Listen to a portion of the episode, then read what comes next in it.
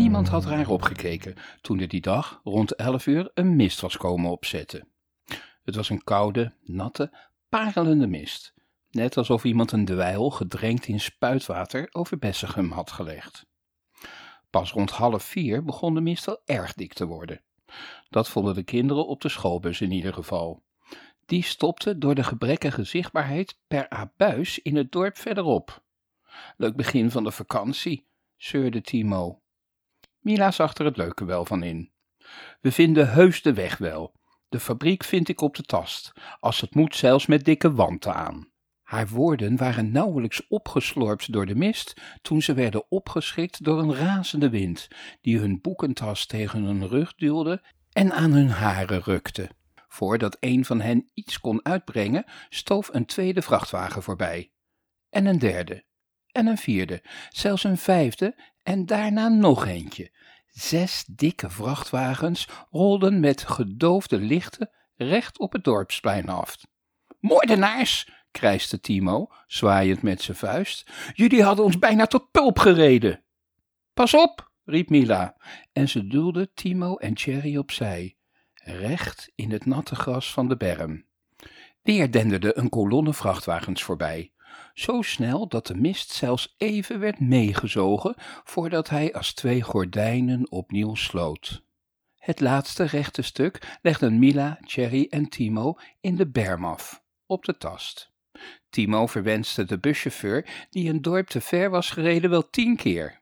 Als er een kampioenschap 100 meter vloeken bestond, had Mila hem nog dezelfde avond ingeschreven.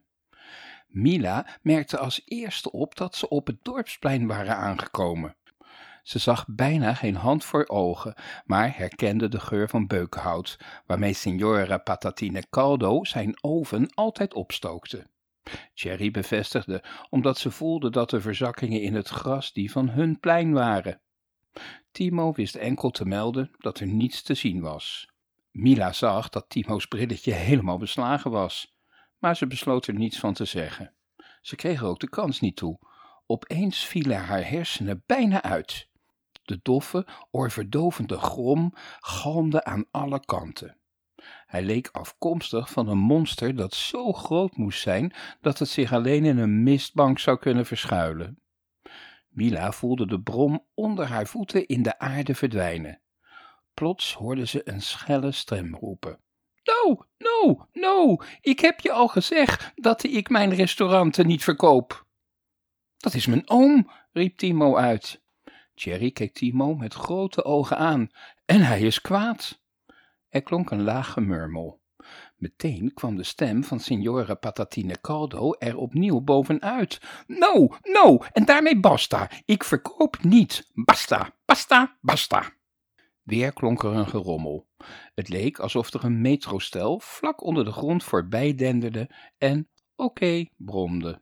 Timo liet zijn boekentas van zijn rug glijden en rende op het geluid af. De mist slokte hem in één tel op. Oom, oom, alles oké? Timo, blij je te zien. Sisi, alles oké. No, no, niets aan de hand. Gewoon een engert die mijn restauranten wil kopen. Maar ik verkoop niet. Mijn restauranten is later voor jou. De man klopte Timo op zijn schouder. Vergiet het nu maar, Timo. Alles is voorbij. Cherry haalde haar schouders op. Pizza? Een koude rilling liep over Mila's rug toen ze terugdacht aan de dreunende stem. Maar ze knikte. Haar maag knorde nu bijna even hard, en dat verdiende nu meer haar aandacht.